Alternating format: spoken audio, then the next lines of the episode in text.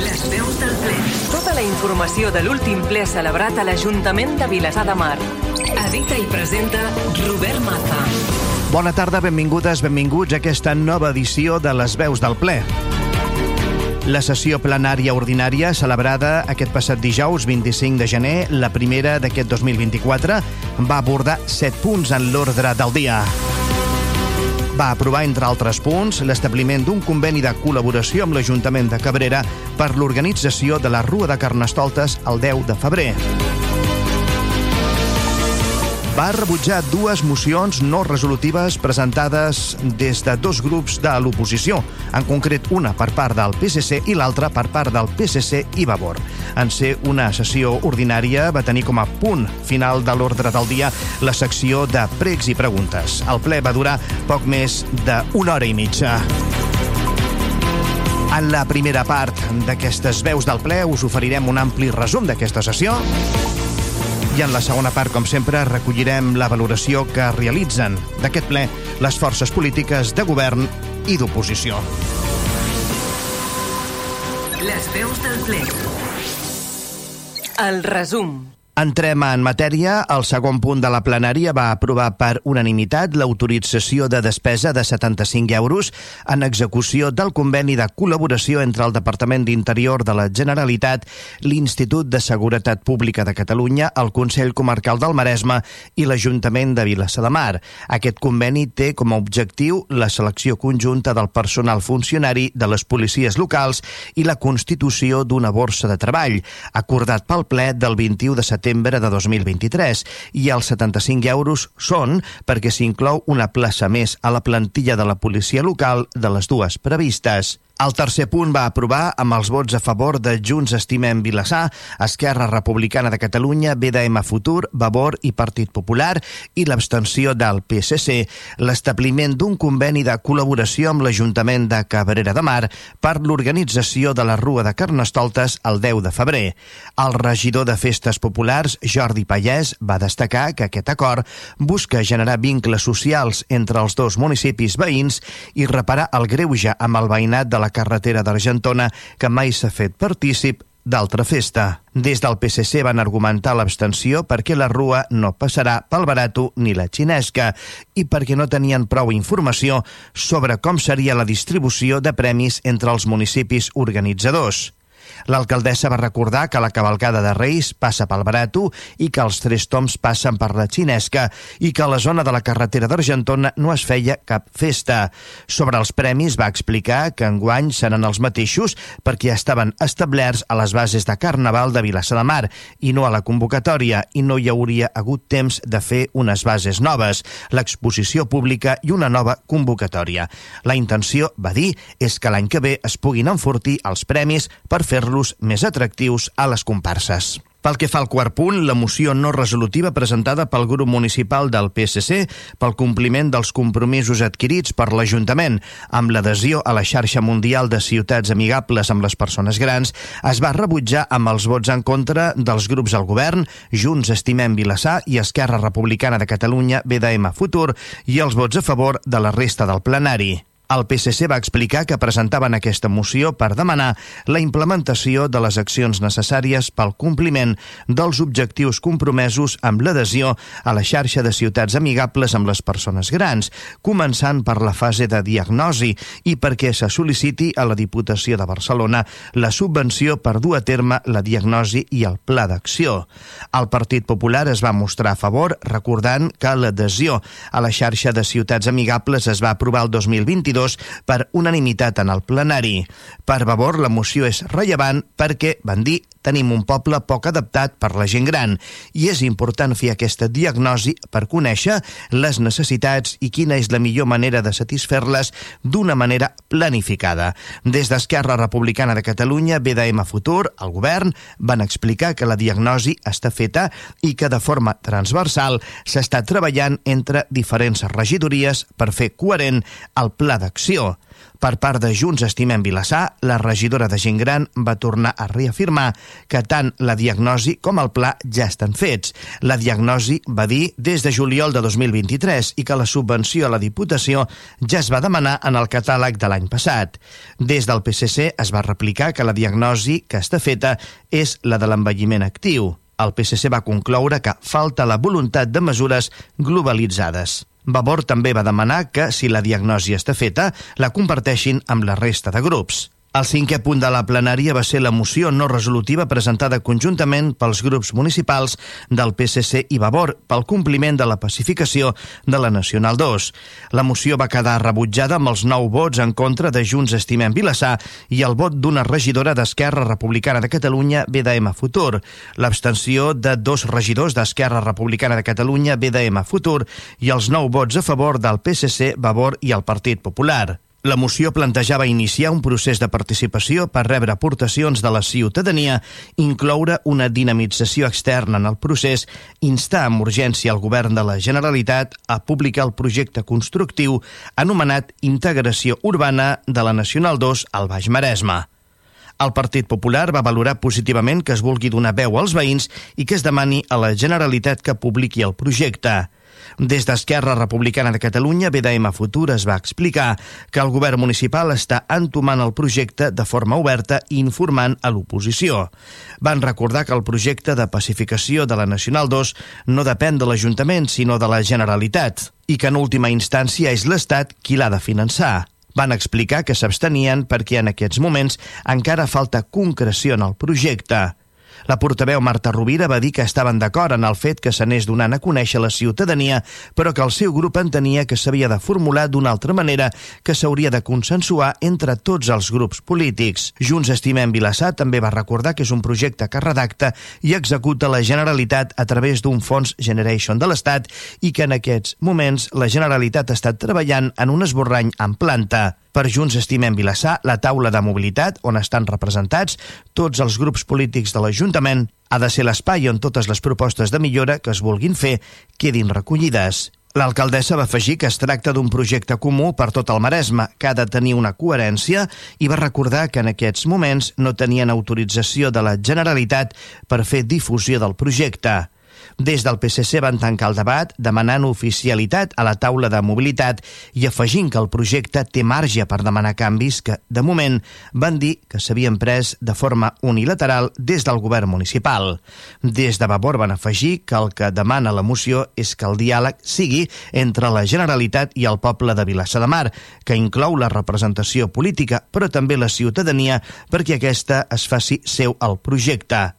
En la primera votació es va produir un empat de 9 vots a favor, PSC, Vavor i PP, 9 en contra, Junts Estimem Vilassar i 3 abstencions, Esquerra Republicana de Catalunya, BDM Futur. En segona votació, el grup d'Esquerra Republicana de Catalunya, BDM Futur, va canviar un dels vots d'abstenció per un vot en contra i la moció no va prosperar. La part final de la plenària, el setè punt, va ser pels pregs i preguntes de l'oposició al govern. El Partit Popular va preguntar si es podaran els arbres del Club de la Petanca i va fer dos pregs un sobre la il·luminació de Nadal, per queixes del veïnat del Barato i de la xinesca per no tenir-ne, i un altre prec sobre les males olors dels contenidors d'escombraries ubicats sota la pista de la plaça del Barato. Sobre la poda, el regidor de Via Pública li va respondre que la campanya de la poda s'està realitzant fins al març. Sobre la il·luminació de Nadal, l'alcaldessa va recordar que enguany el pressupost ja estava fet i la il·luminació decidida, que no s'ha pogut posar el tram acabat d'arreglar del Barato perquè els nous fanals eren més baixos i requerien un altre tipus d'enllumenat i va afegir que a tots els municipis l'enllumenat de Nadal es posa als carrers on hi havia activitat comercial. Des del PSC van preguntar si el govern té mesures pensades per reduir la velocitat dels cotxes al carrer Manuel Roca davant la preocupació del veïnat. El regidor de Governació li va respondre que ho estudiarien i valorarien. El PSC també va demanar que es lliuri el resultat final de bombers i policia respecte a les causes de l'incendi de la nau industrial de Via Octaviana, succeït l'any 2022. Com a pregs van demanar que se'ls convoqui per parlar sobre seguretat ciutadana i que es notifiqui als veïns del carrer d'en Roig les festivitats que deixin el carrer tancat, fent al·lusió a la darrera festa dels Tres Toms. Per part de Vavor es van fer diverses preguntes i pregs. Com a prec van demanar al govern que el pressupost municipal no condicioni el pla d'habitatge, sinó que en tot cas sigui al revés. Van preguntar al regidor de participació quan es convocarà el Consell de la Vila.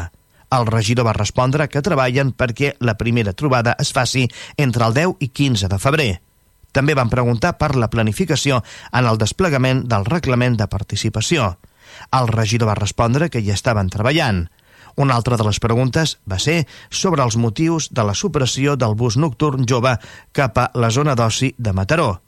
La regidora de Joventut va explicar que l'empresa que el feia els va avisar una setmana abans que ja no el continuarien i entre els motius exposats hi havia el de faltes de respecte de joves cap als conductors. També va afegir que havien consultat fins a 15 empreses diferents per fer el servei i que la resposta també havia estat negativa.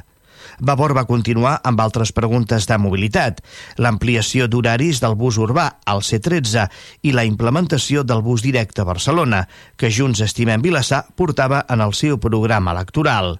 Sobre aquest darrer, el regidor de Mobilitat va respondre que la voluntat és portar-lo a terme abans que acabi el mandat i sobre el C13 va avançar que estaven treballant per ampliar el recorregut incorporant dues parades més, una al cementiri i una altra al polígon industrial i també en ampliar el servei al cap de setmana. Vavor també va preguntar per si es preveu l'obertura del bar al pavelló Paco Martín. Des del govern van respondre que s'està treballant en la seva licitació. Una altra pregunta va ser sobre les obres de les oficines de l'antiga Caixa a la plaça de l'Ajuntament. L'alcaldessa va dir que el pressupost de l'obra seguia sent el mateix, que l'obra portava cert endarreriment en l'acabament i que l'empresa havia demanat una pròrroga. Vavor també es va interessar per la decisió de fer només d'abonats l'aparcament del mercat municipal. L'alcaldessa va explicar que hi havia problemes de convivència entre les persones que tenien plaça llogada i les que aparcaven per hores perquè ocupaven places que eren de llogaters. També va al·ludir a problemes de botellot en les escales d'accés. Va recordar que hi havia molta llista d'espera per llogar i que les places de zona blava del voltant quedaven lliures. Una altra de les preguntes va ser per la proposta de les tardes joves a l'Atlàntida els dilluns i dissabtes, que per favor promou un model d'oci consumista i comporta un tracte de favor a un establiment concret. Van preguntar com s'havia seleccionat l'establiment i per què no s'havia plantejat fer aquest projecte a altres equipaments com els centres cívics. La regidora de Joventut va explicar que és una petició dels joves i que Can Jorba els dissabtes a la tarda està reservat per persones amb diversitat funcional intel·lectual. Sobre l'Atlàntida va dir que la decisió va ser seva i que era un recurs provisional per valorar com funciona. Va afirmar que els joves no veuen els centres cívics com els seus llocs d'oci. També va aclarir que no era veritat que s'hagi de fer un consum obligatori, posant l'exemple que pot anar un grup de 10 i només consumir 3 va manifestar no pretenc privatitzar res, només que els nostres joves tinguin un espai on anar a jugar, a tenir wifi, a berenar si volen i a estar segurs. Penso, va dir, que hem d'escoltar els joves perquè realment ho necessiten.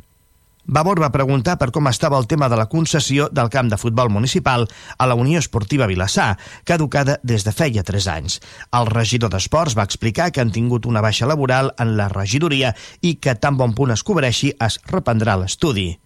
També van preguntar per quan es convocarà la comissió de seguiment de la piscina municipal i si s'està treballant per quan finalitzi la concessió el 2026. Respecte a la concessió, el regidor d'Esports va respondre que estaven estudiant totes les fórmules i que les compartien amb l'oposició i escoltaran les seves propostes. Com a prec final, Vavor va demanar que s'apliqui el codi ètic dels càrrecs públics si algun regidor o regidora dona dades falses en el ple, al·ludint a afirmacions de la regidora del Partit Popular durant el ple de desembre en el debat de la moció que va presentar Vavor, anomenada Moció en rebuig dels discursos racistes i xenòfobs dels alcaldes de Junts per Catalunya del Maresme. Finalment, la sessió va donar compte dels decrets d'alcaldia i va aprovar per unanimitat l'acte de la plenària del 21 de desembre. El resum de la plenària d'aquest passat dijous tanca la primera part de les veus del ple. Les veus del ple. Tota la informació de l'últim ple celebrat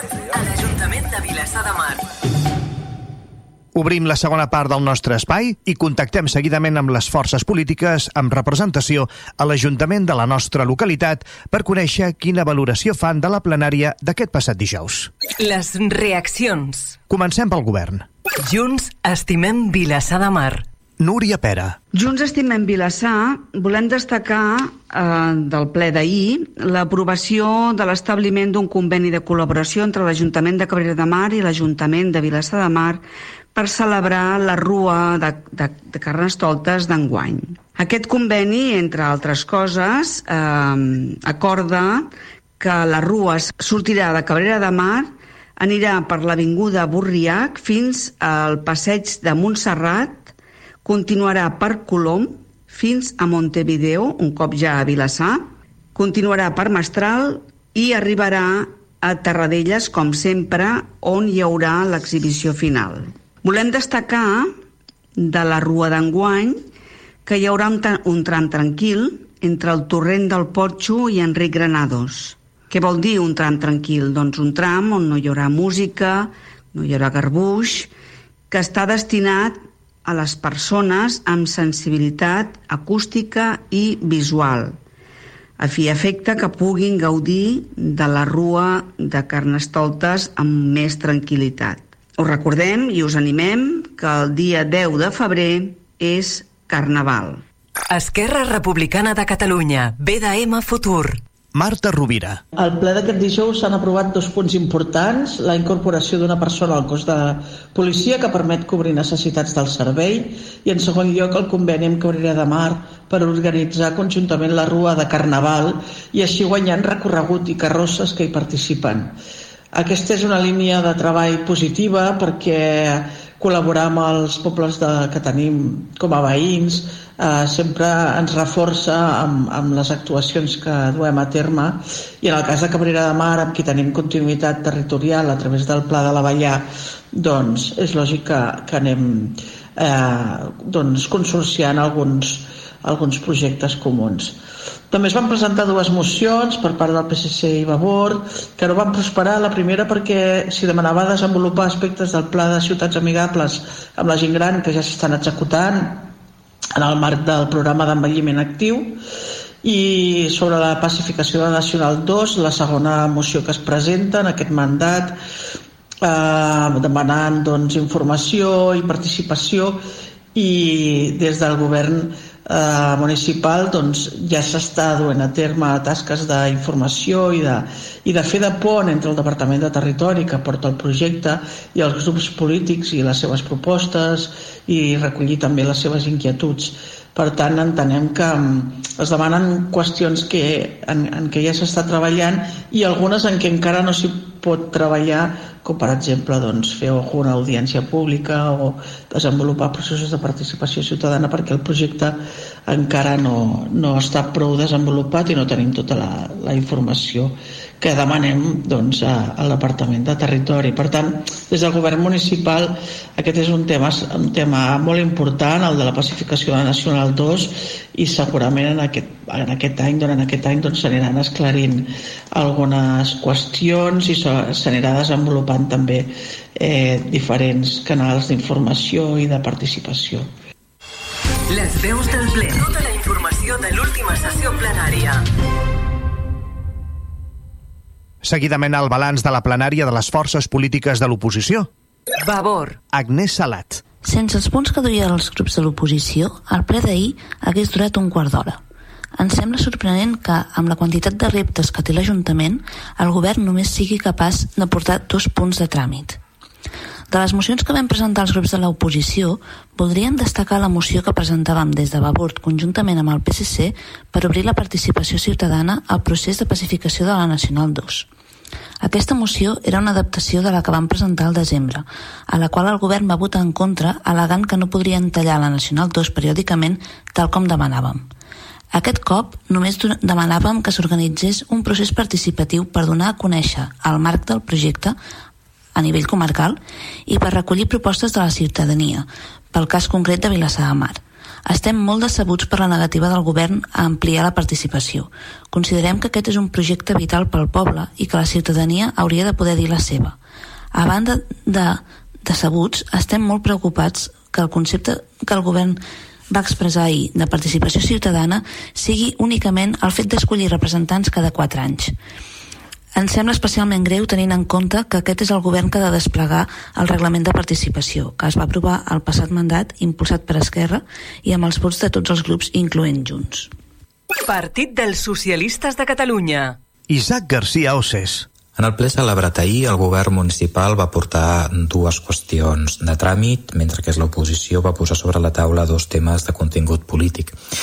Uh, pel que fa a les qüestions aportades pel govern municipal, una d'elles era l'autorització de modificació de despesa d'un conveni de col·laboració entre diferents administracions per dur a terme la selecció de policies locals i que en el nostre cas doncs, que s'ampliava de, de dues places a tres a, de policies locals. Nosaltres vam votar a favor al mes de setembre i també ho hem fet ara al mes de gener.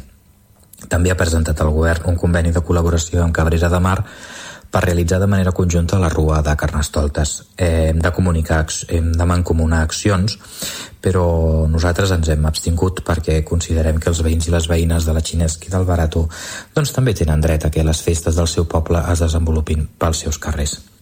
La part més política, com deia, han estat les mocions. Des del PSC hem presentat una moció sobre l'aplicació del projecte Ciutats Amigables amb la gent gran perquè ens vam comprometre com a consistori i no ens han donat resposta. Hem de posar la mirada en els projectes de manera global i no particulars. A més, conjuntament amb Vavor hem presentat una moció sobre la pacificació de la Nacional 2 que ha estat rebutjada en últim moment perquè Esquerra Republicana ha decidit cedir un dels seus vots per votar en contra. Partit Popular. Yolanda Las Palas. Eh, se presentaron dos mociones a las cuales nosotros votamos a favor. Desde el Partido Popular nos parecieron que eran, que eran viables y eran buenas para, la, para Vilasar. Eh, fueron rechazadas, cambió el voto a última hora la regidora Rovira para que saliera adelante una de ellas, precisamente. Bueno, una iba sobre la pacificación de la nacional, donde se pedía mayor participación ciudadana y nos parece adecuado como bueno articularlo de alguna manera para que puedan aportar ideas vecinos y, y, ciudadanos de, de, de, de para, bueno, pues siempre se, se pueden obtener buenas ideas que sean compatibles con, lo, con, los técnicos y con la arquitectura del proyecto, que aunque este proyecto sea financiado y llevado a término por la, por la Gene, ¿no? Por la Generalitat. Y luego sobre la otra moción que también votamos a favor, eh, bueno, que se ponga ya en marcha, que de, una forma viable y que, bueno, que más concreta, eh, el plan de ciudades amigables para Gengran. El gobierno contestó que ya estaba hecha la diagnosis, pero bueno, parece ser que no hay todavía, no, no, no se visualizan grandes cambios para, bueno, para hacer Vilasar más adecuado para la las personas más vulnerables, ¿no? Como son la gente gran. Y ahí también el Partido Popular votó a favor porque ahí, bueno, todo lo que sea mejorar la calidad de vida de los vecinos, pues ahí siempre estaremos dispuestos. Y luego como, como anécdota, bueno, no, no se me dejó el derecho a réplica cuando se me nombró y próximamente, bueno, en el futuro aclara, bueno, podré aclarar eh, que no aportamos, se acusó de aportar datos falsos y, bueno, los datos que aportamos son oficiales y datos reales sobre el tema de la delincuencia y lo, lo aclararemos. Les veus del ple. Tota la informació de l'última sessió plenària. Hem arribat a la fi d'aquesta nova edició de Les veus del ple, l'espai dels serveis informatius de Vilassar Ràdio que us acompanya periòdicament amb tota la informació de les sessions plenàries que se celebren a l'Ajuntament de Vilassar de Mar. Un espai en el que us oferim el resum d'aquestes sessions i recollim la valoració que en realitzen les forces polítiques de govern i oposició.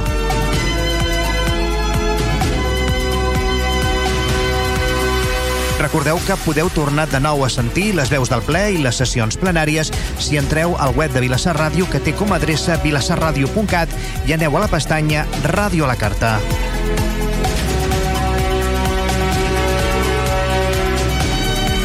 En la producció, realització tècnica i locució, aquest qui us parla, Robert Maza.